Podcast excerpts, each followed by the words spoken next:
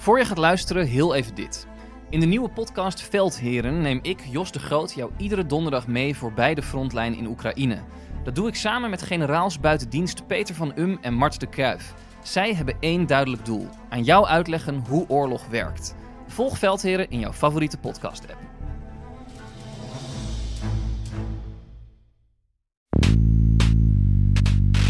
Eigenlijk is het CDA de band met de kern van Nederland kwijtgeraakt. Het CDA is de band met de volle breedte van Nederland kwijtgeraakt. En die volle breedte is inderdaad urbaan, suburbaan. En heel divers. En heel divers. En jong? Absoluut. En jong. Ja, de gemiddelde kiezer van het CDA blijkt 65 plus, blank, man en in Turbergen te wonen. Als je je als partij daar alleen maar op richt, dan wordt het dus een sterfhuisconstructie. Dit is Betrouwbare Bronnen met Jaap Jansen.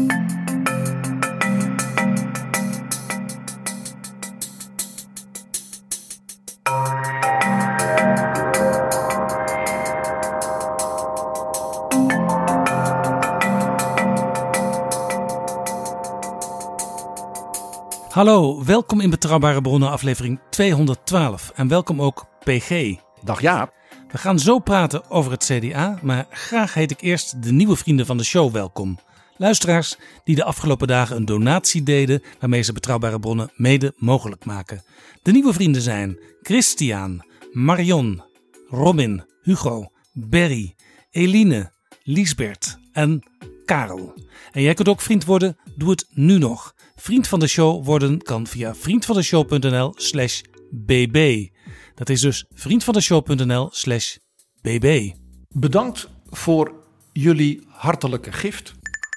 Dit is Betrouwbare Bronnen. PG, dit weekend congresseert het CDA, een belangrijk congres, want die partij zoekt zichzelf. En de buitenwereld is ook benieuwd, al was het maar, omdat al bijna zes maanden geprobeerd wordt een kabinet te vormen met onder andere het CDA. We gaan praten met Richard van Zwol en met Pieter-Jan Dijkman. Van Zwol was secretaris-generaal op het ministerie van Algemene Zaken, op Binnenlandse Zaken, op Financiën. Hij is lid van de Raad van State, voorzitter van het bestuur van het Wetenschappelijk Instituut voor het CDA. En de reden dat hij bij ons te gast is, auteur van het deze week verschenen rapport Van Zwol over de koers van het CDA. En Pieter-Jan Dijkman is directeur van het Wetenschappelijk Instituut en stond hem terzijde bij het schrijven van dat rapport. En jij, PG, bent CDA-historicus, dus ik heb jou uiteraard ook graag bij. Vanuit die, vanuit die invalshoek zal ik af en toe een observatie meegeven. Welkom in Betrouwbare Bronnen, Richard van Zwol en Pieter-Jan Dijkman. Dankjewel. Dag ja. Richard van Zwol, dit rapport moet het CDA helpen de koers aan te scherpen. Maar er was toch al een koersrapport eind 2019. Dat heette Zij aan Zij. En daar is toen in uw partij een half jaar lang over gediscussieerd. Uh, dat klopt. Uh, zij en zij kwam uit. Uh, dat gaf ook koers aan het CDA. Mooie discussies binnen het CDA. En toen overkwamen ons twee dingen. Eén, corona. Die overkwam heel Nederland, maar legde in alle eerlijkheid ook binnen het CDA op dat moment verdere discussies even stil. Het is niet anders. Maar twee, uh, uh, in coronatijd uh, is een verkiezingsprogramma geschreven en een verkiezingscampagne gevoerd. En daar moeten we ook niet omheen draaien. Het programma was mooi in lijn met zij en zij, maar in de campagne is dat er gewoon niet uitgekomen. Ja, dat, hoor je, dat hoor je ook echt uit het CDA zelf, hè, van leden. Dat rapport was een mooi rapport, maar we hebben het eigenlijk in de campagne niet teruggehoord. Ja, klopt. Dat is zo. Dus daarom moeten we, uh, nu de verkiezingen geweest zijn en we een tijd verder zijn, moeten we als CDA niet bij de pakken neerzitten, maar we moeten ons herpakken. Dus we nemen de draad van zij aan zij weer op en proberen daarmee een stap verder te uh, gaan. En dat is eigenlijk de kern van het verslag dat ik samen met Pieter Jan en de andere mensen van de staf van het Wetenschappelijk Instituut heb mogen schrijven. Na drie maanden praten met leden, netwerken, vertegenwoordigers binnen het CDA. Met dit verslag uh, een stap verder met zij aan zij. Welke scherpte heeft u vooral nu aan het CDA willen geven? Scherpte die u de afgelopen tijd te weinig gezien heeft? Binnen het CDA zijn we best wel goed in het mooi verwoorden van mooie verhalen. Maar wat we geleerd hebben de afgelopen maanden, moeten we ook eerlijk in zijn, dat het concreet politiek handelen die mooie woorden niet uh, vertolkte. Dus de eerste scherpte is: het gaat niet alleen om de woorden, het gaat ook om de daden. Daarom is dit verslag ook vormgegeven als een agenda voor moedige politiek. Zegt u nou eigenlijk dat uh, het dagelijkse CDA-werk is te veel business as usual? Ja, zeker. En daarom is dit een agenda. Dus dat is de eerste uh, scherpte. Is het CDA een beetje vergeten dat ze in het verleden vooral werd gewaardeerd omdat ze dat karwei afmaakten? En daarom dat wij inderdaad ook in uh, dit verslag, hè, wat we ook de titel hebben meegegeven, recht doen, gezond leven, verschil verbinden en daar samen verantwoordelijk voor zijn voor Nederland, hebben we ook beschreven dat het CDA, de christendemocratie, was het sterkst, vaste waarde, maar op het moment dat we nieuwe wegen insloegen, dat de christendemocratie de partij was van de vrijheid van geloof, de vrijheid van onderwijs, de emancipatie van de kleine luiden, de emancipatie van de arbeiders. Een Kuiperiaanse insteek dus. De, maar dan ook de katholieke insteek van na de Tweede Wereldoorlog de wederopbouw, de Europese samenwerking. Ruud Lubbers zag dat Nederland ziek was en dat die economie hersteld moest worden. Jan-Peter Balkenende, die na de millenniumwissel zag dat het anders en beter moest. De christendemocratie is op zijn sterkst als je ook nieuwe wegen inslaat. En dat is de tweede scherpte die we erin blijven. Dat we ook hier een agenda inzetten om ook nieuwe dingen aan te pakken en ook stappen voorwaarts te nemen. Ja, u, u zegt dus eigenlijk waartoe zijn wij op aarde? Ja. En hoe gaan we dat invullen? Ja. In uw rapport zie ik ook een soort algemene klacht over de politiek. Maar als ik uw woorden goed begrijp, is die dus zeker ook van toepassing op het CDA. De politiek is te technocratisch geworden. Er zitten twee uh, klachten in over de politiek. Eén is het ontbreekt de politiek aan zelfrelativering. He, daarom dat ook in, in de aanbiedingsbrief zeg ik ook: politiek is niet alles en niet alles is politiek. Dat moet ook bij politieke partijen en bij politici een beetje tot relativering waar, leiden. Waar zien we dan bijvoorbeeld dat gebrek aan zelfrelativering? Kunt u daar een concreet voorbeeld van geven? Nou, ik, ik geloof niet dat, dat uh, de huidige kabinetsformatie op dit moment een schoolvoorbeeld is van enige ontspanning en zelfrelativering. U mist de vrolijkheid die mevrouw Hamer ook voortdurend benadrukte. Absoluut, absoluut. Ja, ja. En als het Johan Remkes is die vrolijkheid moet brengen in de politiek, dan weten we hoe het ervoor staat, hè? Nou, een neutje en een saffie en dan komt het allemaal goed. Zeker. Over die kabinetsformatie wil ik uh, later in dit gesprek nog een aantal vragen stellen. Want ik weet dat u uh, een aantal keren ook direct betrokken bent geweest bij de formatie. Bij de kabinetten Balkenende als secretaris van de formatie. En ik weet dat u zelfs al in 1994 door Wim Kok gevraagd werd. toen hij uh, de proeven van een regeerakkoord ging schrijven. voor wat uiteindelijk Paars 1 bleek te worden. Hij vroeg u omdat u de enige was die met een laptop en spreadsheets uh, overweg kon. Ja, we praten 1994. Dat lijkt natuurlijk uh, uh, echt oude historie voor sommige mensen. Maar het was inderdaad de tijd dat nog niet iedereen de Excel goed wist te bedienen. Dus als je dat als jong ambtenaar kon, had je toen een ongelofelijke voorsprong in Den Haag. En Wim Kok die wist niet dat een muis niet hetzelfde was als de afstandsbediening van de tv. Dus die was op dat punt ook nog maar het was zeg niet, al, niet het ontwikkeld. Het was niet alleen Wim die dat niet wist. Het waren ook de toenmalige secretarissen Jan-Willem Holtslag en Rob Visser die dat nog niet wisten. Maar dit geeft ook een mooi beeld, uh, dat weet misschien niet iedereen, van hoe de ambtenaar werkt als civil servant. Want u bent dan, uh, weten we nu, van het CDA. U bent zelfs uh, voorzitter van de Raad van Toezicht van het Wetenschappelijk Instituut. Maar u hielp dus een kabinetsformatie waarin het CDA voor het eerst in uh, nou, bijna 80 jaar uh, buitenspel kwam te staan, de Christen-Democraten. Ja, dat, dat speelt inderdaad in je, in je ambtelijke uh, laat ik zeggen, loopbaan eigenlijk geen rol. Dat denken mensen wel. Allemaal één kartel, meneer Van Zwol. Ja, dat, maar dat is toch echt niet zo. meestal wisten mijn ministers wel dat ik lid was van het CDA. Want ja, god, dat laat je wel eens vallen. Of men had het gehoord, of je wist dat wel. Of je zit in een denktankrapport waar je aan meeschrijft. Bijvoorbeeld Ja. dat soort dingen, dat soort dingen. Vooral Gerrit Salm kon zich er altijd ongelooflijk vrolijk over maken dat ik lid was van het CDA. Maar voor, voor het overige, nee, dat, dat, dat, dat doet er dan niet Ja. toe. Toch nog even, want ik, ik ik zei al, u was secretaris-generaal op, op drie belangrijke ministeries. U heeft nu echt cultuurkritiek op hoe het politieke en bestuurlijke systeem werkt. Te veel technocratie. Bent u niet zelf een van de architecten daarvan? Nou, dat is een goede vraag. Je moet jezelf altijd in de spiegel eh, kijken. Ik, heb, ik probeer ook wel, eh, ik heb ook geprobeerd op die drie ministeries ook eh, de inhoud voorop te zetten. Op de periode op binnenlandse zaken. Eh, toch weer over de, het openbaar bestuur. eh, en en on- onder mijn eh, leiding ook ambtelijk toen heel erg veel over regionale samenwerking, maar ook over de digitale overheid rapporten uitgebracht. Dus over de inhoud. In mijn periode bij Financiën vond ik dat het ministerie van Financiën niet alleen van Financiën moest zijn, maar in combinatie met economische politiek. Dus ook dat daar op de inhoud neergezet. En bij eh, algemene zaken hebben we ook geprobeerd in de periode van Jan-Peter Balkenende om eh, de, de wat technische regeerakkoorden ook eh, te vertalen in beleidsprogramma's die wat meer eh, inhoudelijk vlees op de botten hadden. Dus ja, in alle eerlijkheid, in die ambtelijke rol zit je in een zekere zin in een technische rol.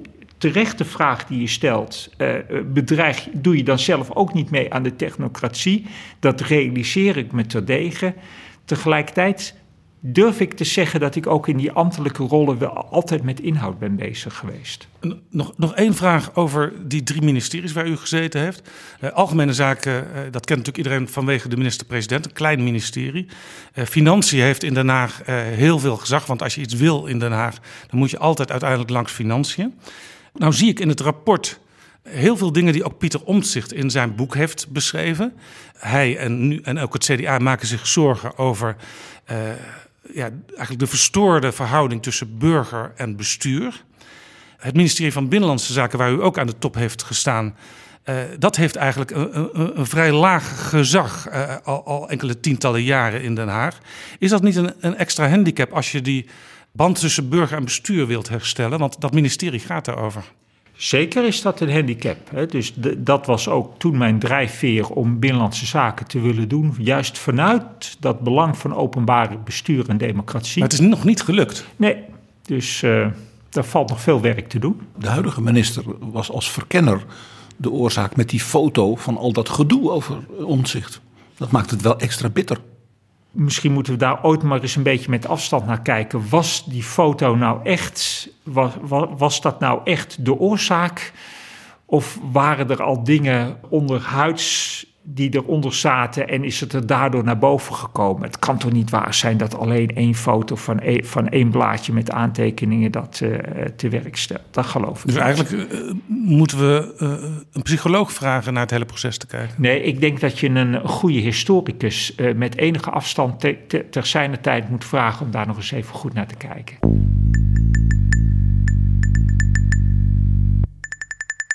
Terug naar het rapport wat u heeft geschreven. Mij viel op de openingszin. Dat gaat over 1975. Christendemocraten in verschillende partijen toen nog. Die rebelleerden tegen de verlamde partijtoppen. Eh, die partijen werden kleiner. Er was sprake van eh, misschien moeten we gaan fuseren en samen een veel sterker geheel eh, vormen.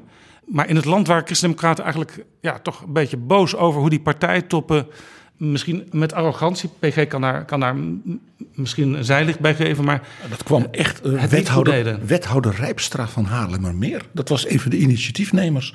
Eh, en die zijn toen gewoon een handtekeningactie begonnen.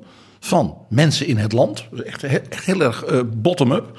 En die zeiden gewoon van. Als nou eens die Andries en die Aantjes en die Kruisjes gaan. Hoe ze allemaal heten. Is gewoon stoppen met zeuren. En gewoon samenwerken. En maak er nou wat van. En die, in die actie. Die dwong die partijtoppen. Echt tegen heug en meug. eh, eh, om ja, dan er toch maar echt werk van te gaan maken. u schrijft ze waren het zat. Waarom schrijft u dat als eerste zinnen van dat rapport? Na- naar wie is dit een signaal? Ehm, weer hè, na Pieter Jan en ik met een paar andere mensen drie maanden lang gesprekken in het land. Ook in een periode dat het voor veel mensen vakantie was. Ja. Maar U heeft met mensen op alle niveaus Op gesproken. alle niveaus. Jong, oud, Ja, zeker. Eh, hè, mensen met, met oost, west, noord, zuid. Absoluut. Mensen met functies, mensen zonder functies. Dus eh, eh, heel verschillend. En in die gesprekken eh, eh, toch echt, echt kritiek op hoe dingen zijn gegaan. Maar met een enorme compassie met die christendemocratie. Dus eigenlijk was dat eh, eh, eh, ook anno 2021, jongens, kom op, we horen bij elkaar.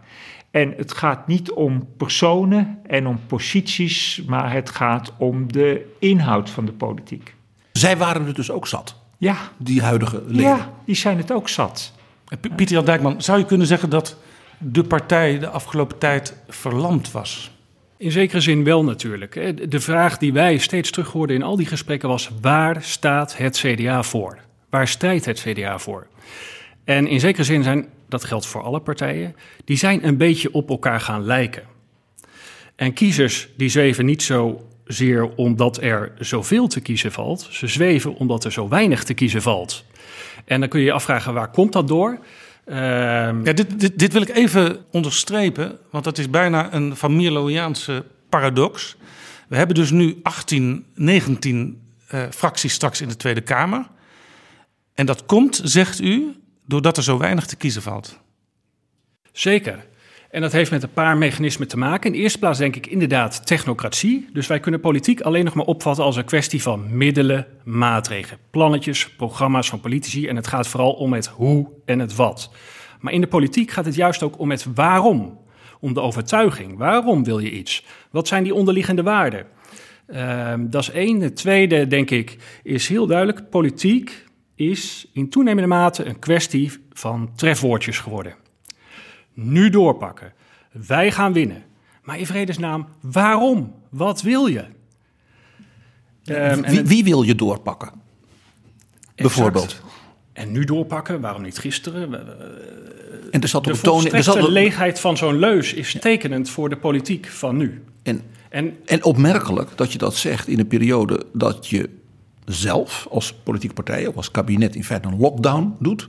En tegen de mensen zegt: we moeten allemaal nu even. En dan zeg je tegen, de, tegen die mensen, die MKB'ers en zo, van zeg, ga eens een beetje aan de slag, pak eens even door, zeur niet zo. Dat is natuurlijk een hele rare, Exact. rare ik zeg maar, emotionele, wat rare signatuur. Exact. Je moet je voorstellen, die samenleving kampte al een jaar lang met die coronamaatregelen. Die samenleving is murf gebeukt. Moet zichzelf bijeenrapen, opkrabbelen. Wat brult het CDA dan? Nu doorpakken. Je voelt hem aan, dat is niet het ritme van de Stelletje luiwammersen. Kijk, het kan nog wel een leus zijn, misschien als je weet waar zo'n partij voor staat. Bijvoorbeeld eh, 1986, Lubbers laat Lubbers zijn karwei afmaken. Iedereen begreep wat dat woord karwei betekent. Want iedereen wist wie Lubbers was en wat Lubbers deed. Daar ging een kabinetsperiode inderdaad aan vooraf. En wij kunnen onze tijd best wel een beetje vergelijken met die van de jaren 80. En Lubbers had gewoon inderdaad eh, te maken ook met een crisis. Eh, en die voerde hele degelijke politiek, harde politiek, hard. bezuinigingspolitiek. Maar hij kwam er in Nederland als premier en als CDA-leider, omdat hij dat helemaal paarde aan dat hele filosofische fundament van verantwoordelijkheid voor elkaar, zorgzaamheid voor elkaar.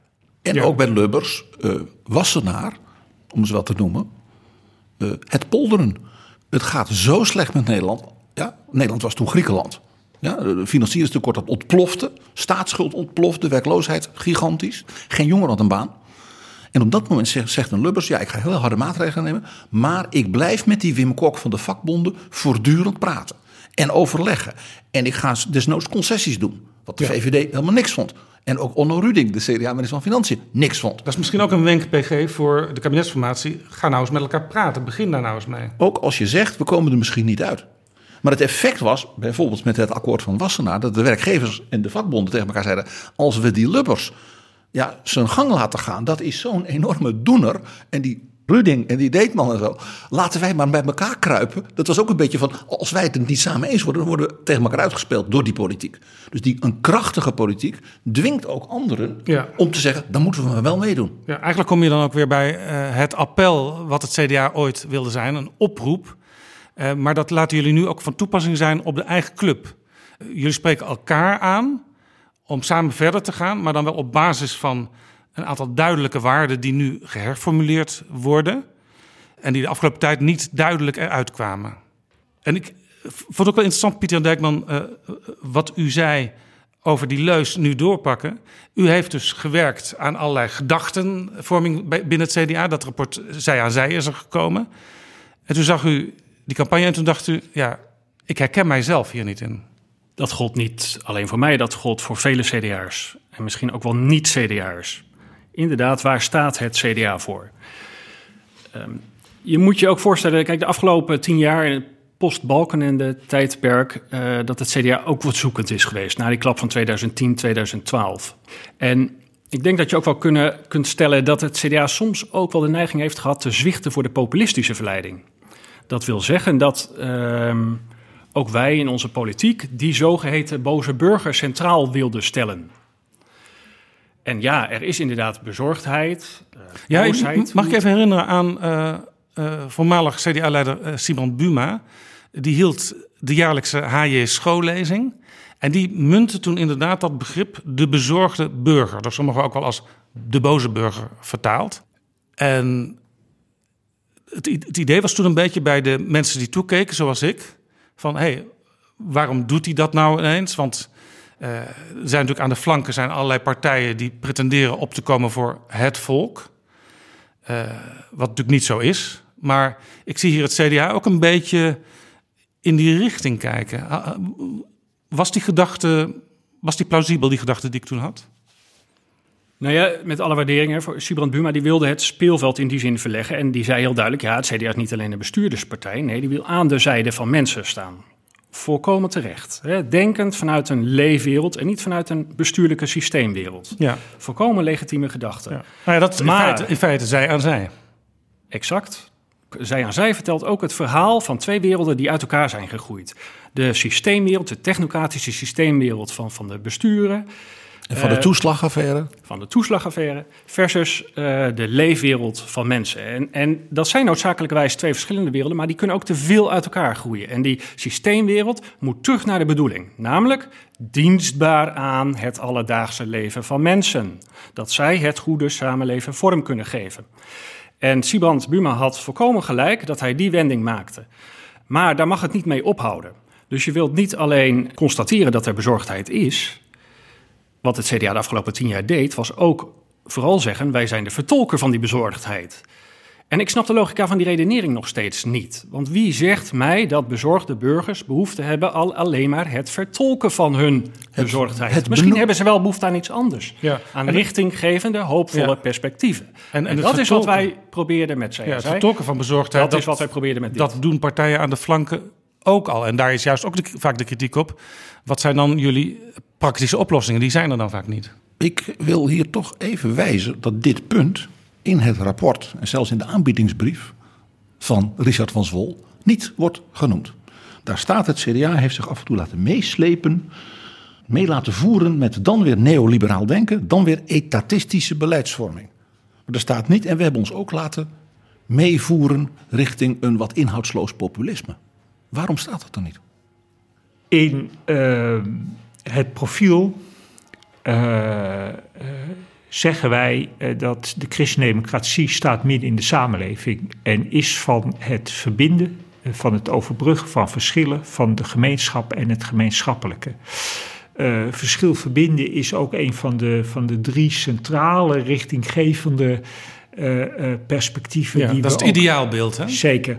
Dus daarbij uh, daarmee benadrukken we dat. Uh, dus ja, misschien staat het niet in de aanbiedingsbrief. Uh, maar omdat je zo heel duidelijk aangeeft, we hebben ons door ja, zeg maar, die hele grote fout, het neoliberale, hè, ja. of het etatisme, ja. dan denk ik altijd aan, aan bonapartistische Franse generaals. dan hebben we ons laten verleiden, hè, als het ware. Maar dit punt wordt niet genoemd als een verleiding waar het CDA voor gevallen is. En laten we er nu omheen draaien. Dat is natuurlijk de voorbije tien jaar de oorzaak geweest van zeer grote politieke problemen en nederlagen. Ja, nee, toch twee dingen daartegenover. Eén, hè, zoals Pieter Jan ook aanzet, dat, dat je vanuit de christendemocratie, vanuit het CDA ook zegt: ik ben niet alleen een bestuurderspartij, ik zit niet in die systeemwereld, maar het gaat ook echt om een leefwereld, om een brede groepen van mensen die ook gewoon toegang moeten hebben tot wonen, zorg en onderwijs. Dus ik sta naast, ik sta zij aan zij met burgers. Alleen de stap moet verder worden gemaakt. Je kan niet alleen zeggen: ik sta eh, zij aan zij je, I share your pain. Hè, ik deel je gevoelens. Bill Clinton. Punt. Maar je moet de stap naar voren en dan verder. Dus mijn, mijn eh, eh, laat ik zeggen, advies is om daar niet een, een punt te zetten, maar een komma. En dan een stap naar voren te doen. En dat proberen wij hier te zeggen. Dus ook hier zeggen wij nog steeds, midden in de samenleving, volkspartij. Het gaat niet om de systeemwereld, het gaat om leefwereld.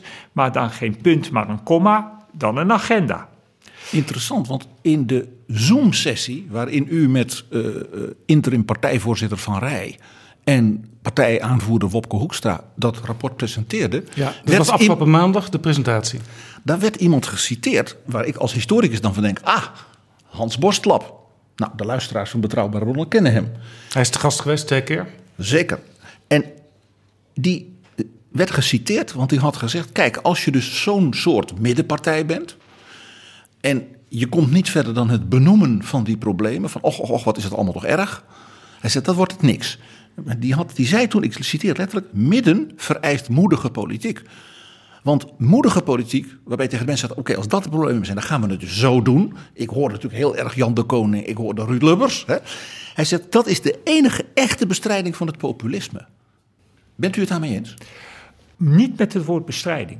Want eh, we moeten, je moet met elkaar beseffen. Kijk, en we zijn allemaal, ook zoals we hier in deze studio om tafel zitten, toch een onderdeel van, van eh, laat ik zeggen, de bestuurlijke elite in Den Haag. En je moet altijd voortdurend de spiegel voorhouden dat de leefwereld van mensen, en laten we het even beperken tot Nederland, dat is al moeilijk genoeg, tot 17 miljoen mensen, die is complex. Daar is politiek niet alles en zeker niet is alles is politiek. Dat gaat over hele dagelijkse dingen, over wonen, zorg en onderwijs.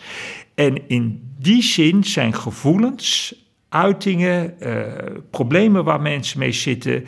In die zin ga ik het woord populisme niet definitief buiten de deur zetten. Alleen nogmaals, dat ben ik met Hans Boslap eens en daarom haalde ik hem ook aan. Geen punt, maar een komma. Het, het eh, vergt vervolgens een agenda om te zeggen: en dan gaan we dit eraan doen.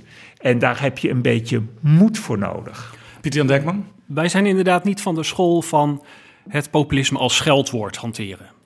Ehm, van die school was Sibrand Buma ook niet en dat deelden wij. Ehm, het gaat er altijd om om op zoek te gaan naar het ja achter die populistische beweging. Dus Dus niet alleen maar het nee van dit pikken wij niet. Exact. Maar ook een stap van in, hoe kunnen we het dan dat wel doen. nee uitzicht ook natuurlijk een bepaald, bepaalde woede, bepaald engagement. En ga nou eens op zoek, wat zit daar nou achter? Misschien zijn dat inderdaad mensen die behoefte hebben aan geborgenheid, aan gemeenschap, die zien een cultuur teloor gaan. Maar ga dan eens met ze in gesprek en dat is geen enkel probleem. Ehm, het woord midden viel, dat hebben wij ook veel te horen gekregen. Het midden is voor het CDA ook komen te staan voor niet links, niet rechts en dus een beetje het grijze grauwe midden. Een grijze gehaktbal. Een grijze gehaktbal, PG. Wij proberen dat begrip midden even op een iets andere manier eh, te definiëren, namelijk als die mythe, wat Angela Merkel doet. En dan is het iets heel anders. Dan is het inderdaad moedige politiek. Die mythe is, is in Duitsland met roeiger hand, met rustige vastheid, koers houden. Wel voortdurend in gesprek met mensen, maar nieuwe wegen, maar ook vaste waarden. Eigenlijk don't rock the boat en ondertussen de, de zaken eh, beter maken voor mensen. Toch even aan PG een vraag, want PG, de luisteraars die kennen jou als eh, toch iemand die bij het woord populisme altijd eh, ja, eh, de microfoon grijpt en commentaar geeft. Deze mannen die zeggen ja, populisme is voor ons niet per definitie een negatief woord. Geldt het voor jou ook? Ik vind populisme als politieke stroming vind ik gevaarlijk. Wat Pieter Jan zegt van probeer eens erachter te komen waarom mensen zo zijn of zich zo uiten, vind ik het werk voor sociologen en dergelijke. En dat is interessant. Maar ik vind het politiek niet altijd erg nuttig. Ik vind het niet interessant om aan Willem Engel te vragen wat hem nou drijft. Ik zeg het maar wat hard. Maar PG, moet je als politicus en dus als eh, praktisch uitvoerder van het gedachtegoed... toch niet proberen steeds de brug te slaan naar mensen uit, uit alle lagen van de samenleving? Het antwoord van mij daarop is nee. Er zijn hele delen van de samenleving waar ik helemaal geen brug mee wil hebben. De racisten, de Willem Engels, eh, de schreeuwers. Dan moet je als christendemocraat, vind ik ook van zeggen... u moet u zich afvragen of u nog wel hierbij wilt horen. Dus dat wij horen bij elkaar betekent ook... er zijn dus ook die er niet bij horen. En dan moet je misschien wat, wat, wat, uh, wat scherper ook in zijn. De scherpte die u op dat punt miste in het CDA. Ik heb op dat punt ook scherpte gemist. Als het Gert-Jan Segers is die in de Kamer als enige... die uh, man van uh, Forum tot de orde roept. En dan dacht ik, waar was de leider van het CDA? Pieter-Jan Dijkman, populisme. Je kunt niet iedereen tevreden stellen, zegt PG. Dus dat moet je, die ambitie moet je ook niet hebben. Dit moet je ook niet pretenderen dat je dat zou willen. Ja, maar dat, dat zijn al, allemaal toch allemaal verschillende dingen. Kijk, je moet uh, één, uh, ik denk dat Pieter Jan en ik er toch ook nog in die zin een beetje optimistisch in zitten dat veruit de meeste mensen zijn van goede wil. En je moet ook vanuit. U, u bent dus geen Calvinist? Nee, absoluut niet. De meeste mensen zijn van goede wil. En, en, en, en daarop is veel hoop gebaseerd.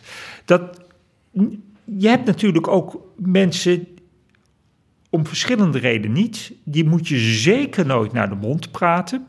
Daar moet je ook niet in meegaan. Die moet je tegenspreken. Maar ik vind het wel heel ver om, laat ik zeggen, niet te willen overbruggen. He, dat is wat anders. En dat je uiteindelijk tot, uh, laat ik zeggen, een moment komt dat, dat, dat met, met enkelen, met individuen, dat het gesprek niet mogelijk blijft. En dat je echt ze alleen maar kan tegenspreken en dat die brug totaal niet te vinden is, dat zal best waar zijn. Maar allemaal in die volgorde. Had wat u betreft de boer-burgerbeweging niet in de Kamer te hoeven komen? Met andere woorden, geen uh, massa hoeven krijgen als het CDA goed geopereerd had? Dat weet ik niet, want daar ligt natuurlijk ook wel, daar ligt ook het niet naar de mond praten toch wel achter. Kijk, we weten allemaal dat uh, in Nederland met 17 miljoen mensen met een gigantische woon, klimaat, energie, ruimte, mobiliteit opgave, dat we met elkaar, ja, wij zijn ook een beetje opgehokt met elkaar. Dus dat is vechten om ruimte. En in dat vechten om ruimte heb je, heb je de landbouwsector, die, die wezenlijk is ja. voor de samenleving, economie en Maar goed, u zegt eigenlijk, als ik nee, u mag nee, helpen, nee. Ja, uh, zoals Johan Remkes zijn rapport noemde, niet alles kan en niet alles kan tegelijk. Daarom. Maar, en volgens mij moet je, laat ik zeggen, dat op die manier dat gesprek aangaan dan ben ik ervan overtuigd, dat merken we ook, dat ook in die sector uh, uh, de mensen van goede wil, dat je op een goede manier met elkaar in gesprek komt. Hè. Het rapport van het WI en Dirk Boswijk is dus een hoopvolle wending. Ook hier moet je niet uitsluiten, want je moet mensen niet naar de mond praten, ja. dat je niet iedereen overtuigt. Ja, er zijn twee rapporten trouwens verschenen. Een rapport over de landbouw van het nieuwe Kamerlid Dirk Boswijk. En deze week een rapport over klimaat van het uh, nieuwe Kamerlid Henry Bontebal. Met ons inderdaad. Uh, wij werken als fractie en wetenschappelijk instituut echt gezamenlijk aan die nieuwe agenda. Het... Komen er nog meer, Pieter Jan, van dat soort stukken? Er komen er vele nog kortere position papers om het profiel van het CDA in korte tijd weer kenbaar zichtbaar te maken. In lijn met zij en zij, in lijn met dit nieuwe rapport. Kijk, het CDA heeft altijd een partij willen zijn tussen straat en staat, om zo te zeggen. En wij markeren dat uh, begrip volkspartij heel nadrukkelijk. En dat zetten we ook af tegen populistische beweging. Wat betekent een volkspartij? Drie dingen. In de eerste plaats, inderdaad, een volkspartij richt zich anders dan populistische partijen op het gemeenschappelijke belang. Wij richten ons niet op specifieke deelgroepen, wij richten ons niet op specifieke thema's. Nee, het gaat ons om de heelheid van de samenleving, om zo te zeggen. Twee, voor een volkspartij, ieder mens telt. Dat is ongelooflijk belangrijk. Niet alleen Henk en Ingrid, nee, ook Mohamed en Anne Fleur. Maar dit is, dit is leuk, want ieder mens telt is een soort kernleuze van de Vlaamse christendemocraten. Zie daar. En dat lijkt misschien een wat vanzelfsprekend obligaat uh, gezegde ieder mens stelt. Ja, natuurlijk. Maar het opent een radicaal perspectief. Want wat als er een samenleving is waarin niet ieder mens telt, dan is die samenleving dus niet compleet. Dat is sociaal Darwinisme. U bent van een mindere soort, u bent biologisch of anderszins inferieur. Dus wij, hoeven, wij koppelen u af. Exact. En de Volkspartij wil nadrukkelijk zich daar tegenover stellen. Ik Ieder hoor u in de, in de telt. definitie van volkspartij eigenlijk zeggen, wat denk ik voor alle politieke partijen zou moeten gelden. Eh, je, je wil streven naar he- het, algemeen, het, het goed doen aan het algemeen belang.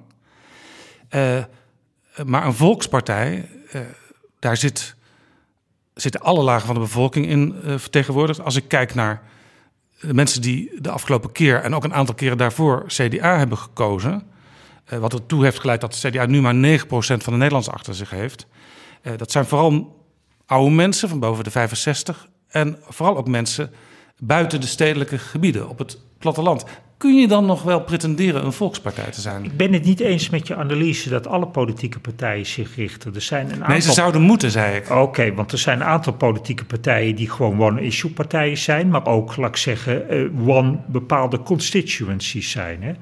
Eh, nee, maar dit is natuurlijk, eh, dat zeggen wij ook. Eh, wij wij eh, zien heus wel dat we, laat ik zeggen, als je volkspartij definieert in, we zijn een hele grote ledenpartij met hele grote kiezersaantallen, dat is niet het geval. Maar onze intentionele gerichtheid is inderdaad op iedereen in de samenleving. Maar Feitelijk is, een, ehm, is het CDA geen volkspartij natuurlijk. Eh, ik kan Jaap en PG wel meevoelen. Ehm, kijk, Het is een enorme pretentie als je niet oppast. Dat je je op het randje van belachelijk maakt. nou kijk, in, in de zin van opleidingsachtergrond zie je dat het CDA wel degelijk nog een aspect van wat volkspartij in zich heeft. Die, Wij in die als 9% een van de heb je de afspiegeling ongeveer, maar dat is iets anders. Nee, maar als een van de weinige partijen is het CDA altijd in staat gebleken bij verkiezingen om alle verschillende opleidingen aan zich te minden. Een derde laag opgeleid, een derde middelbaar, een derde hoog. In die zin is het CDA echt wel een volkspartij. Maar inderdaad, als je gaat kijken naar leeftijd en andere aspecten. Ja, de gemiddelde kiezer van het CDA blijkt 65 plus, blank, man en in Turbergen te wonen. Als je je als partij daar alleen maar op richt, dan wordt het dus een sterfhuisconstructie. Maar nogmaals, precies wat Richard zegt. Voor ons is het zijn van een volkspartij verwijst niet zozeer naar een feitelijke werkelijkheid. Het gaat om ons om een principiële keuze voor die type partij. Namelijk gaan voor gemeenschappelijke belangen, ieder mens stelt en ook midden in die samenleving. En dus ook moedige politiek. Is dat de reden waarom in het stuk er zo'n opvallende, maar uitvoerige passage staat over cyberspace? Want dat viel mij op. Daar wordt, wat, ik heb dat eigenlijk bij andere partijen nog niet zo gelezen. Dat wordt gezegd van. En want daar is het toch. Ja, dat is ontwikkeld in de commercie. En dat, dat is er gewoon. Het hangt in de lucht en het tikt, zal ik maar zeggen. En hier staat van. Ja, maar die cyberspace is zozeer deel van het dagelijks leven geworden. Dat moet eigenlijk ook als publieke ruimte worden gezien. Een van, Klopt de eerste, een van de eerste rapporten die het WI zou, nou samen met de Tweede Kamerfractie heeft gemaakt, was nog met Chris van Dam over digitalisering. En inderdaad, wij zeggen dus in onze agenda slaan wij de slag met de moderniteit. Dus in, die, in zij aan zij stonden al 15 thema's en dit is er één van. Die thema's die ook aansluiten bij inderdaad de opgave van nu. En eh, er zijn vele opgaven van nu, maar onmiskenbaar is alles wat te maken heeft met digitalisering, digitaal burgerschap, digitale dienstverlening, eh, eh, cyber, crime en security. een van de hele grote opgaven. Dus ja, als je er wil zijn als partij voor de opgave van nu, is ook cyberspace één van je thema's. En wat is dan de kerngedachte daarbij? Moet er een soort wet op, de, op het internet komen? Of, eh? Nee, eh, oh, hier, zijn een, een- een paar dingen. Eén, eh, we vinden wel dat de grondwet eh, grondrechten van burgers moet worden gemoderniseerd aan de digitale wereld. Dat is één. Het tweede is, eh, je moet, eh, laat ik zeggen, net zo goed als je de openbare weg voor iedereen toegankelijk wil houden, eh, moet ook de, de digitale snelweg voor iedereen openbaar toegankelijk zijn. Drie, daar moet je toe inderdaad gewoon bedrijven ook reguleren, want we hebben nu een paar monopolies, oligopolies. Uh, maar het gaat hem ook heel concreet in de dienstverlening. Dat is iets wat bijvoorbeeld Raymond Knops in zijn portefeuille heeft als staatssecretaris, waar hij veel aan doet. We hebben anderhalf, twee miljoen mensen die heel slecht zijn met lezen en schrijven. Die hebben ook problemen met een digitale overheid als die alleen maar digitaal toegankelijk is. Dus uh, ook heel concreet in het dagelijks leven voor mensen betekent dit wat. En je zag ook in corona dat de arbeidsmarkt en de ar- arbeidswereld natuurlijk volledig eh, eh, ja, eh, ja, nog kon leven door natuurlijk die digitalisering. Dat heeft natuurlijk ook consequenties dan. Even een vraag hieraan eh koppelend, want u, u, u zegt eh, de grondwet moet eh, gewijzigd worden. Nou is de grondwet bij wijze spreken nog op het briefgeheim gebaseerd, dus dat, is, dat begrijpt iedereen dat dat veranderen moet. In de grondwet staat op een ander terrein heel belangrijk artikel over de integriteit van het menselijk lichaam. Je zou ook kunnen zeggen, ieder mens is baas van zijn eigen digitale gegevens. In Europa is zowel klimaat als de digitale wereld topprioriteit geworden. In Nederland hebben we een minister voor klimaat. Misschien wordt dat zelfs een minister puur voor het klimaatbeleid. Moet er in Nederland ook een minister voor digitale zaken komen in het nieuwe kabinet? Eh, laat ik zeggen, we hebben nu een staatssecretaris voor klimaat. Dat mag inderdaad best een minister of een vicepremier zijn, gezien het belang van het onderwerp. Eh, en digitalisering moet goed belegd worden. Eh, en dat zit nu bij Raymond Knops en Mona Keizer. Dus dat is toch wel heel leuk dat twee CDA'ers hier hard aan trekken. En ook in een nieuw kabinet moet deze portefeuille substantie hebben. Absoluut. Pieter Jan, je had nog iets willen zeggen hierover. Nou, dit hoofdstukje heet digitaal burgerschap. Eh, en, en dat is een belangrijke term. Hè? Dus eh, in beleid moet je daar meer oog en misschien een nieuwe minister, staatssecretaris. Eh, maar wat wij inderdaad belangrijk vinden is dat die digitale wereld, hebben wij een aparte losstaande wereld van gemaakt. Los van de alledaagse leefwereld. Maar waar het om gaat is dat wij zeggen, ja, dus, dus de, die digitale wereld is inmiddels zo verweven met onze alledaagse leefwereld. Dus zoals wij ons in het dagelijks leven gedragen, zo zouden wij ons eigenlijk ook moeten gedragen in die digitale wereld. En vandaar dat wij ook zeggen van wij moeten nadrukkelijk investeren in digitaal burgerschap. Uh, er moet energie daarin worden gestoken dat wij burgers ook daadwerkelijk toerusten om daar op een goede manier, verantwoordelijke manier mee om te gaan. Dus geef burgerschap een nadrukkelijke plek in het onderwijs. En speelt hier ook mee dat um, op internet, ja, er is vrijheid van meningsuiting, maar op internet zie je ook allerlei mensen uh, fake nieuws verspreiden. Dat daar iets aan gedaan moet worden, wat heel ingewikkeld is, lijkt mij. Is ingewikkeld, maar moet inderdaad niet daar, om de, louter omdat het ingewikkeld is, daarom maar terzijde worden geschoven. Dus maar, dit is ook een van Maar in feite zegt u dus dat mensen als Mark Zuckerberg en uh, Jack Ma van Alibaba en dat soort dingen, dat die dus gewoon aan wettelijke normen moeten worden onderworpen. Uh, zeker, absoluut. En dat kan natuurlijk niet nationaal. Nee, dat moet op zijn minst Europees. Absoluut. Ja, en, en liefst dan ook nog in samenwerking met bijvoorbeeld de Verenigde Staten. Liefst wel. Maar ja, het wordt wel lastig, hè? Want niet alleen liefst met de Verenigde Staten. Want Jack Ma wordt wel aangepakt, alleen door een autoritair Chinees regime.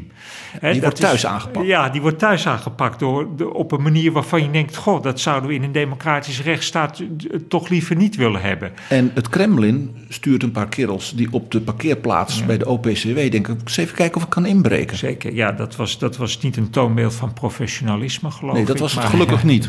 Want stel je voor dat, het nog, wat het ook, dat ze het ook nog heel goed hadden Zeker. gedaan. Dit is Betrouwbare Bronnen, een podcast met betrouwbare bronnen. Even terug naar het rapport, want uh, u zegt wij willen, wij willen bruggen slaan, wij willen mensen terzijde staan, wij willen mensen uh, helpen beter in deze samenleving te, functioneren. Positieve inslag dus.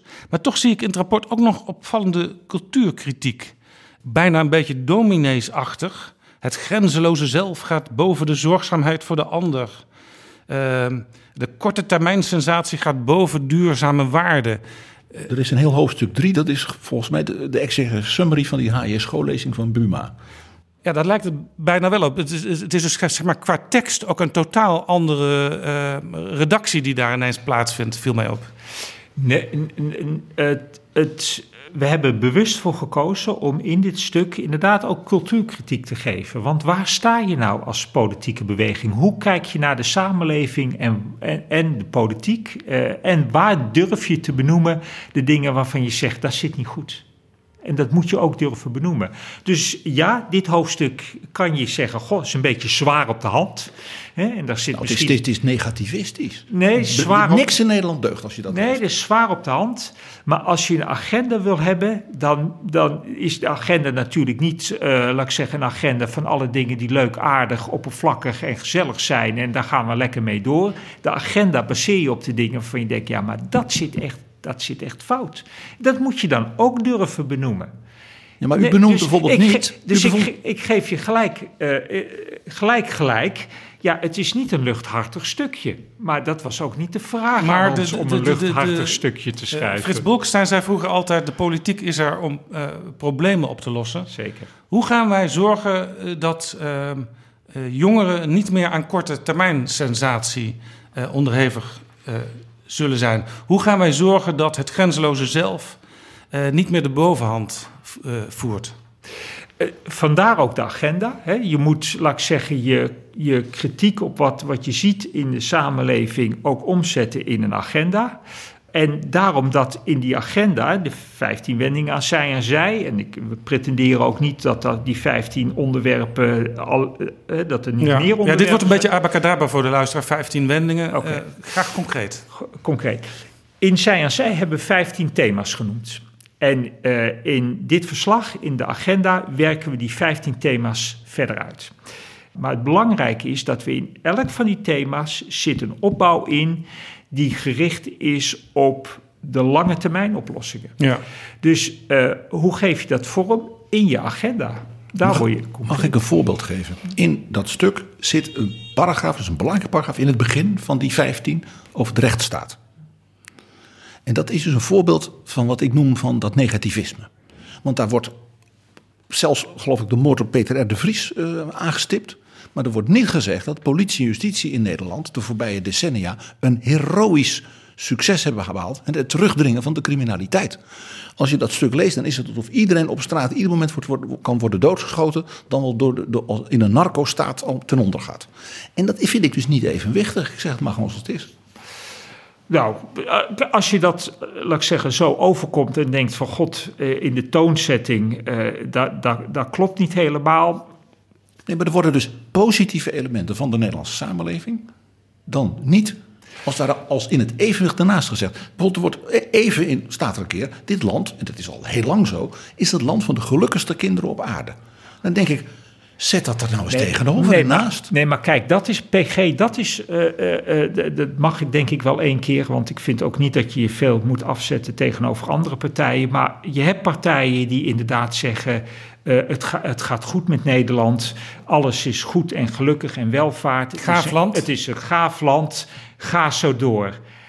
De christendemocratie probeert de vinger op zere plekken te leggen en te zeggen: dit moet anders en beter. En ik geef gelijk toe, als daardoor heb je ook in zo'n stuk, in zo'n agenda, niet altijd de vrolijke onderwerpen en niet altijd vrolijke oppervlakkige zi- zinnen.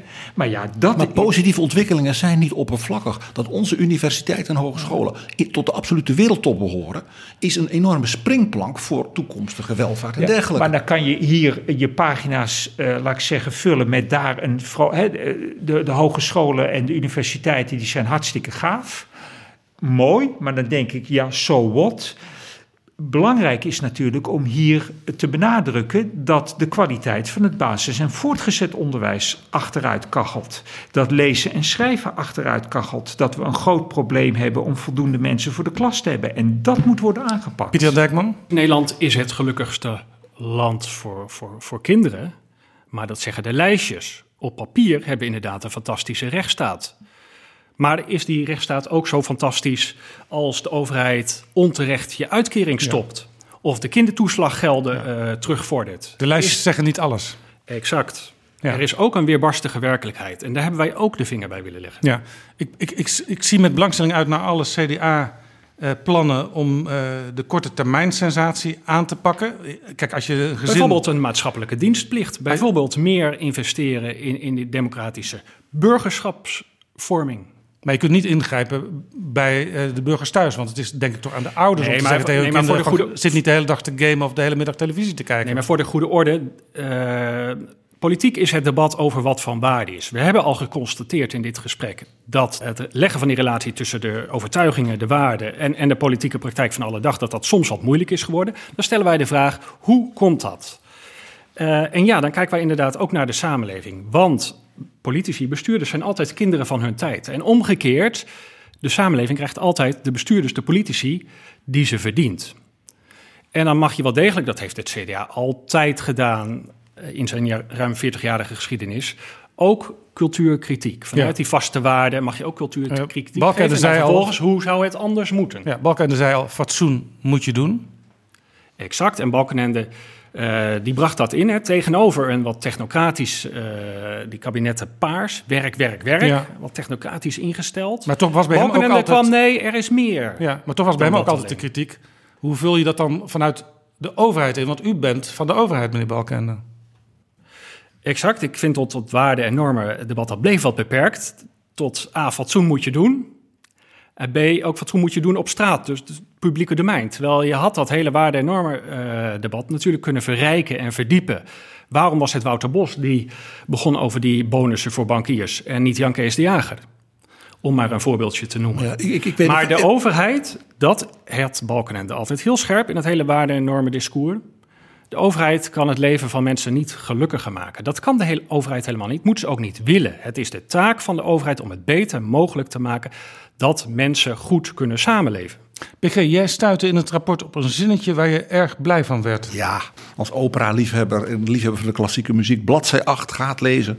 Daar wordt namelijk gezegd van kijk, als partij die dus in die Europese wortels, ja, zowel van, van, van, van, van, van het Europese wortels van het christendom, van onze cultuur, van uh, de Europese Unie, van verzoening tussen volkeren, ook niet onbelangrijk, het val van de muur en al, al die verhalen, zal ik maar zeggen, zijn we dus heel erg voor, uh, laat ik zeggen, dat je koestert hè, wat we op die manier hebben opgebouwd, maar pas nou op dat je dat niet reactionair wordt.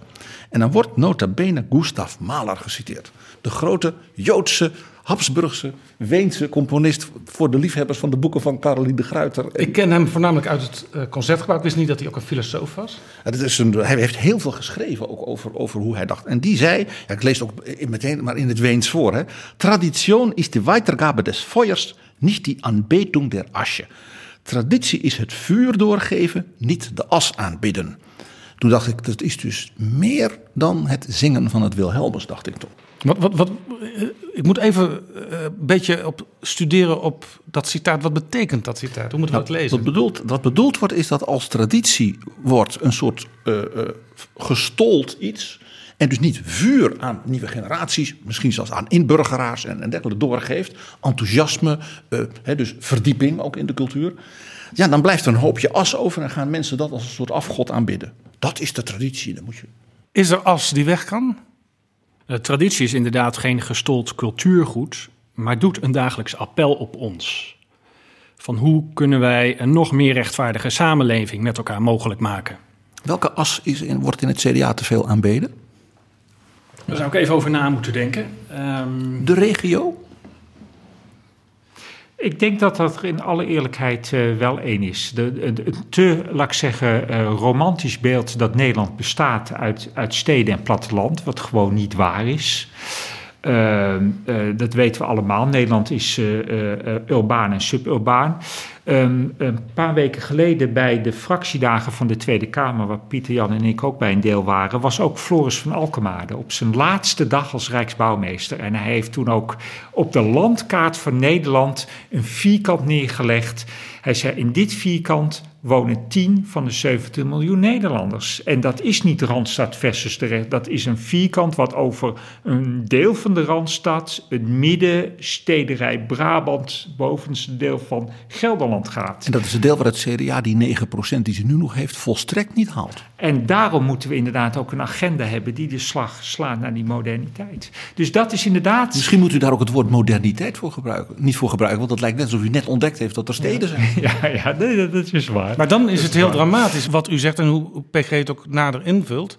Eigenlijk is het CDA uh, de band met de kern van Nederland kwijtgeraakt. Dat schreef het rapport Frisse in 2010 al, letterlijk. Ja, ik weet niet of het de kern van Nederland is. Ik zou eigenlijk zeggen, uh, uh, de, het, het, het, CDA is de band met de volle breedte van Nederland kwijtgeraakt. En die volle breedte is inderdaad urbaan, suburbaan. En heel divers. En heel divers. En jong. Absoluut. En jong. Even nog een ander punt uit het rapport. De relatie met Europa. U schrijft, waar christendemocraten kritisch zijn op Brussel, is dat vooral ongeduld om een soms ingesleten onvermogen tot krachtige besluitvorming. Maar ik heb in de Buma-jaren en ook al in het beleid van het eh, kabinet wat nu demissionair is, eh, vaak het omgekeerde gezien. Chopin-biografieën bedoel je? Precies, de premier die ongeïnteresseerd met een Chopin-biografie naar een Europese top gaat. Was ook geen, geen premier van CDA-huis, daar ging het Het CDA, wat al wat langer geleden uh, in verschillende fasen tegen uitbreiding van de Europese Unie was. De samenwerking in 2010 van het CDA met de meest anti-Europese partij die er is, de PVV. Uh, het heel hard optreden tegen de Grieken door bijvoorbeeld Jan Kees de Jager. Het stemmen in de Tweede Kamer tegen het Oekraïne-verdrag. Eerst voor. Hè? Misschien ook de wel, Tweede en de Eerste Kamer. Misschien ook voor. wel, om eens iets kritisch over Omtzigt te zeggen, de, de Europa-skepsis van Omtzigt. Is het wel eigenlijk helemaal eerlijk wat u hier schrijft over uh, dat christendemocraten vooral kritisch zijn op ongeduld over het onvermogen tot krachtige besluitvorming? Uh, ja, want ik uh, bedoel hier niet, laat ik zeggen, uh, functionarissen op landelijk niveau. Ik geef hier een impressie van de gesprekken met CDA's in het land. Dat is één. En twee, maar je hebt haarscherp door, hier, hier bepleit ik een accentverlegging rond Europa. En die Naar activisme. Na activisme. En dat ja. is wat u bedoelt met die kopgroepen dus? Ja, absoluut. En dus ook heel erg gehoord die gesprekken met de mensen, de leden in het ja, land. zeker. Mag, mag ik één? Daar heb ik zo om gelachen. In die paragraaf die begint met een heel verhaal over een Marshallplan voor Afrika. En u weet toch, dat is de droom van Silvio Berlusconi. Want dan kan er een heleboel geld uit Europa via zijn bedrijven naar zijn netwerken in Afrika. Dus dat punt, dat, daar moest ik een beetje om lachen. Ik snap het wel. Maar door het zo te formuleren kreeg ik onmiddellijk dus die associatie met... ja, hij is in Europa natuurlijk ook een uh, EVP'er, Silvio Berlusconi. Ja, ik weet niet of dat nog steeds het geval is... maar het is een, het is een komische associatie inderdaad. Ja, zeker. Ja. Uw rapport uh, verzet zich ook tegen het neoliberalisme. Daar bent u als CDA inmiddels niet meer de enige... want uh, zelfs de VVD, Klaas Dijkhoff, heeft kritische kanttekeningen gezet bij het neoliberalisme... Uh, maar goed, u, kunt daar het, het, zou u, daar, u zou daar het voortouw in kunnen nemen. Uh, Hugo de Jonge, toen hij lijsttrekker was, uh, verzette zich ook al, ook onder andere in een gesprek in betrouwbare bronnen, tegen de uitwassen van het liberalisme. Onder andere in de zorg. Ik heb de nieuwe lijsttrekker, die Hugo de Jonge opvolgde, Wopke Hoekstra, daar minder over gehoord. En u zegt, er moet een consistente lijn zijn tussen principes, programma, profiel en personen. Hoe gaat u Wopke Hoekstra overtuigen van wat er allemaal in dit rapport staat? Ik ben ervan, uh, ik, ik, ik ben ervan overtuigd uh, dat Wopke Hoekstra ook hiervan overtuigd is.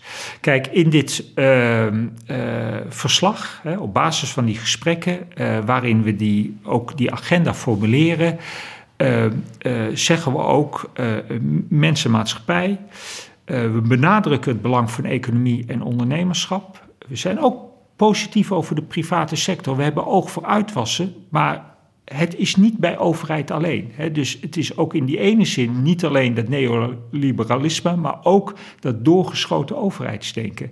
Die christendemocratie richt zich op ondernemers, op maatschappelijke organisaties, ja. op mensen, mede-overheid. Dat is trouwens misschien ook nog een gevaarlijk punt. Wat het over liberalisme, u zegt nu doorgeschoten overheidsdenken. Ook zo'n beetje alle partijen die je nu hoort, die zeggen... we moeten weer naar een sterke overheid. Maar dat kan dus gevaarlijk zijn als je de fouten van de overheid, die al uh, heel erg geconstateerd worden, ook in dit rapport, uh, nog sterker worden gemaakt. Nee, absoluut. Uh, dat, dat, heb ik ook bij de aanbieding afgelopen maandag benadrukt. iedereen is het erover eens dat de overheid de schuld is van alles. Ook niet waar, maar iedereen, hè, alle politieke partijen zeggen dat. De overheid is de zondaar van alles. Maar moet tegelijkertijd ook de verlosser van alle zonden zijn. Dat kan niet waar wezen. Dat is ook niet heel erg uh, vanuit de christelijke traditie. Nee, dat de hè? overheid de verlosser van alle zonden is. Dat kan ook niet. Het dus, lijkt me alleen al vanuit ideologisch oogpunt een nee. beetje merkwaardig. Uh, zeer merkwaardig. Dit is Betrouwbare Bronnen. Als iemand de afgelopen jaren het grote probleem tussen burger en overheid scherp heeft gemaakt, is het wel Pieter Omtzigt. Hij is uit het CDA vertrokken. Heeft de partij voldoende gedaan om hem binnenboord te houden? Kijk, eh, ehm, ik, ik heb op zich een goede band met Pieter. En daar moet hij zelf maar het nodige over zeggen. Maar hij weet dat ik ehm, eh, met al zijn waardering voor zijn passie en zijn inzet een deel van zijn analyse niet deel. Want het is de politiek die eh, als wetgever begonnen is om alle ellende te veroorzaken. Daar zie je inderdaad de, eh, de, de overheid die dingen heeft veroorzaakt. Ja, en dat moet het nu ineens dan. eh, nou ja, dus eh, ook in die analyse loop je vast als je niet durft te erkennen dat problemen zijn ontstaan omdat de politiek voor dingen heeft gekozen, omdat de overheid zichzelf overbeladen heeft, verwachtingen heeft gewekt die niet kunnen waarmaken en het nu ineens allemaal moet gaan oplossen. Dus je loopt daarin vast. Wij vinden het buitengewoon terug dat Pieter eh, niet meer lid is van het CDA en er buiten staat, omdat wij voortdurend met hem in gesprek waren. En wij hadden inderdaad een goed gesprek, omdat dat altijd langs de lijnen van de inhoud ging. En als je het nou hebt over een authentieke politicus, dan is hij dat wel. Exact, exact. En die mensen wil je heel graag bij de club hebben. En dat heeft buitengewoon veel waarde. Eh, Zo'n politicus die bijna als een ombudspoliticus de feilen, de misstanden in, in het overheidsbeleid aanwijst. Dat is buitengewoon waardevol. Dat weet Pieter ook van ons. Waar wij het gesprek over hadden was inderdaad over zijn boek. Maar dat, dat waardeert Pieter ook zeer.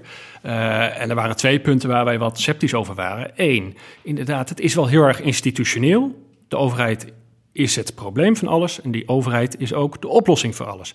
En twee, ja, dat woord contract, dat is nou precies het verkeerde woord om, om de wereld eh, voor te stellen of de relatie tussen overheid en burgers. Dat is te transactioneel. Kunt- het is inderdaad te transactioneel. Je kunt Nederland niet voorstellen als een contract. Je kunt de EU niet voorstellen als een contract. Dat is een gemeenschap. Wij horen Een bij unie, elkaar. een Europese Unie. En- Ever closer union zelfs. En inderdaad, soms zijn er ook dingen waarvan je zegt, mot dat nou? Maar dat, wij zijn een gemeenschap. Je moet dat soms ook slikken en dan kun je weer verder met elkaar. Elke familie heeft ook een lastige neef. We gaan, richting, Daarom had hij misschien wel bij de familie moeten blijven. we gaan richting de afronding van dit gesprek.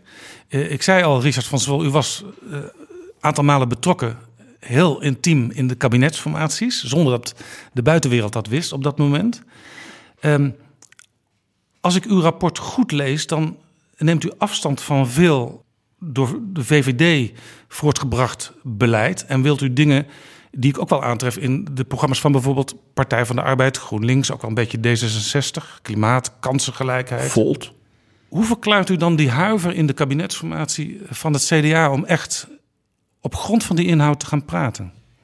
Kijk, vanuit het christendemocratisch denken eh, ben je inderdaad, eh, laat ik zeggen, ook sceptisch over eh, denken aan de linkerkant in het politieke spectrum, wat heel institutioneel is en wat heel erg gericht is op de overheid. hè. Dat is wat u dat etatisme noemt. Ja, zeker. Dat is bij u dus de, de formulering voor een zeg maar, meer linkse, eh, eh, collectivistisch denkende Absoluut. Bij wijze van spreken, als het over klimaat gaat, eh, verboden in plaats van eh, mensen zelf stimuleren. Ja, zeker. Absoluut. Dat is één. Twee, mijn inschatting is dat een deel van eh, de linkse politieke partijen, bijvoorbeeld Groen, GroenLinks, zitten denk ik qua houding eigenlijk meer aan de individualistische kant van het politieke spectrum dan aan de gemeenschapskant. De PvdA wel, de sociaaldemocratie wel, maar GroenLinks niet. Dus Eh, die fusie ben- wordt dus niks. die, die fusie, één van die twee, één van die twee moet zijn ideologische veren afschudden. Anders kan het niet. Nou, dat is al gedaan door de PvdA, toch onder Wim Kok? Dat kan. Maar ik snap best dat je als CDA denkt: ja, ga ik nou met een individualistische VVD, een individualistische en elitaire D66, een individualistische en ook wel een beetje eh, elitaire GroenLinks. En nou ja, de PvdA weet ik niet helemaal goed te duiden. Wat hebben we dan inhoudelijk met elkaar te zoeken? Ik snap dat wel. Nou ja, er wordt nu gesproken over een minderheidskabinet van eh, VVD, D66 en CDA. Daar zit dan ook, als ik u nu goed begrijp, eh, dat individualistische, dat li- liberale, waar u niet heel blij van wordt, En dat sterk heel, seculieren. heel zwaar in. Dan zou u nu toch eigenlijk vanuit deze gedachte, en dan laten we misschien GroenLinks even terzijde, eh, heel erg moeten willen dat de Partij van de Arbeid, die in uh, veel opzichten toch een bondgenoot van het CDA kan zijn, in ieder geval ook aan tafel zit. Ja, of, of de ChristenUnie, hè, dat mag ook. Maar de ChristenUnie brengt maar vijf zetels mee, Partij van de Arbeid iets meer. Dat is waar, iets. Hè. Maar, nee, maar dat is, dat is absoluut waar. Maar dus... zouden die twee liberale winnaars niet gewoon hun verantwoordelijkheid moeten nemen? Want dat was eigenlijk toch een beetje wat en Cenk Willink en Mariette Hamer zei. Van neem nou je verantwoordelijkheid. Nou, ze zijn een stuk gaan maken. Uh, dat zou je naast uh, uw rapport moeten leggen. Ik zie daar een heel mooi essay in mijn hoofd uh, ontstaan. En, en dat zij het dan ook doen. Jullie hebben gewonnen, maak dat maar. En dat je dan een soort, nou ja, Rutte 1 variant maakt met een soort gedoogakkoord.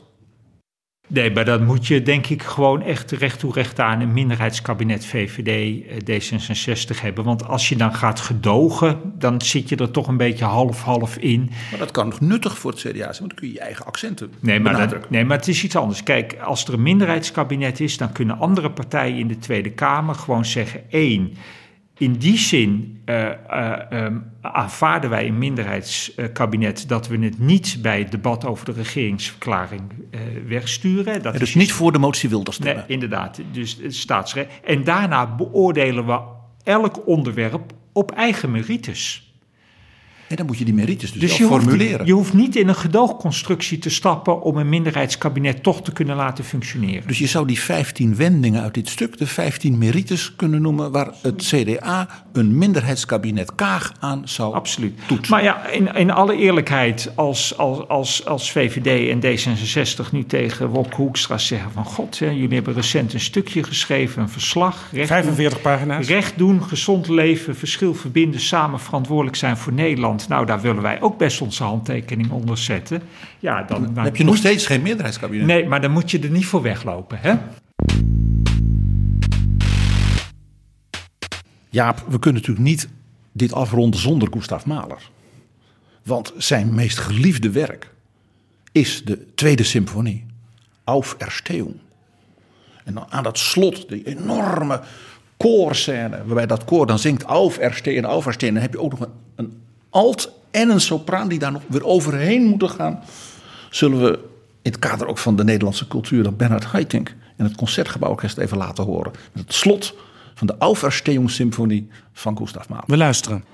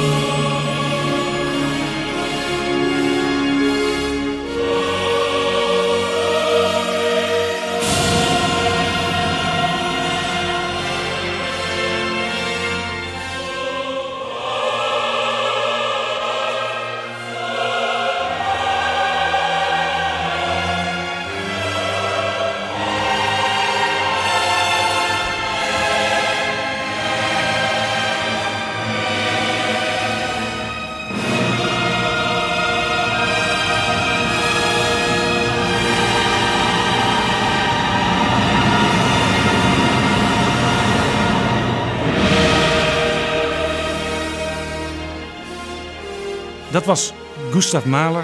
En laten we dit ook beschouwen als een appel aan het CDA en aan al die mensen die daarmee bezig zijn. om die partij weer vier rechtop te laten staan. Uh, dankjewel, Richard van Zwol. Dankjewel, Pieter-Jan Dijkman. En natuurlijk ook dankjewel, PG.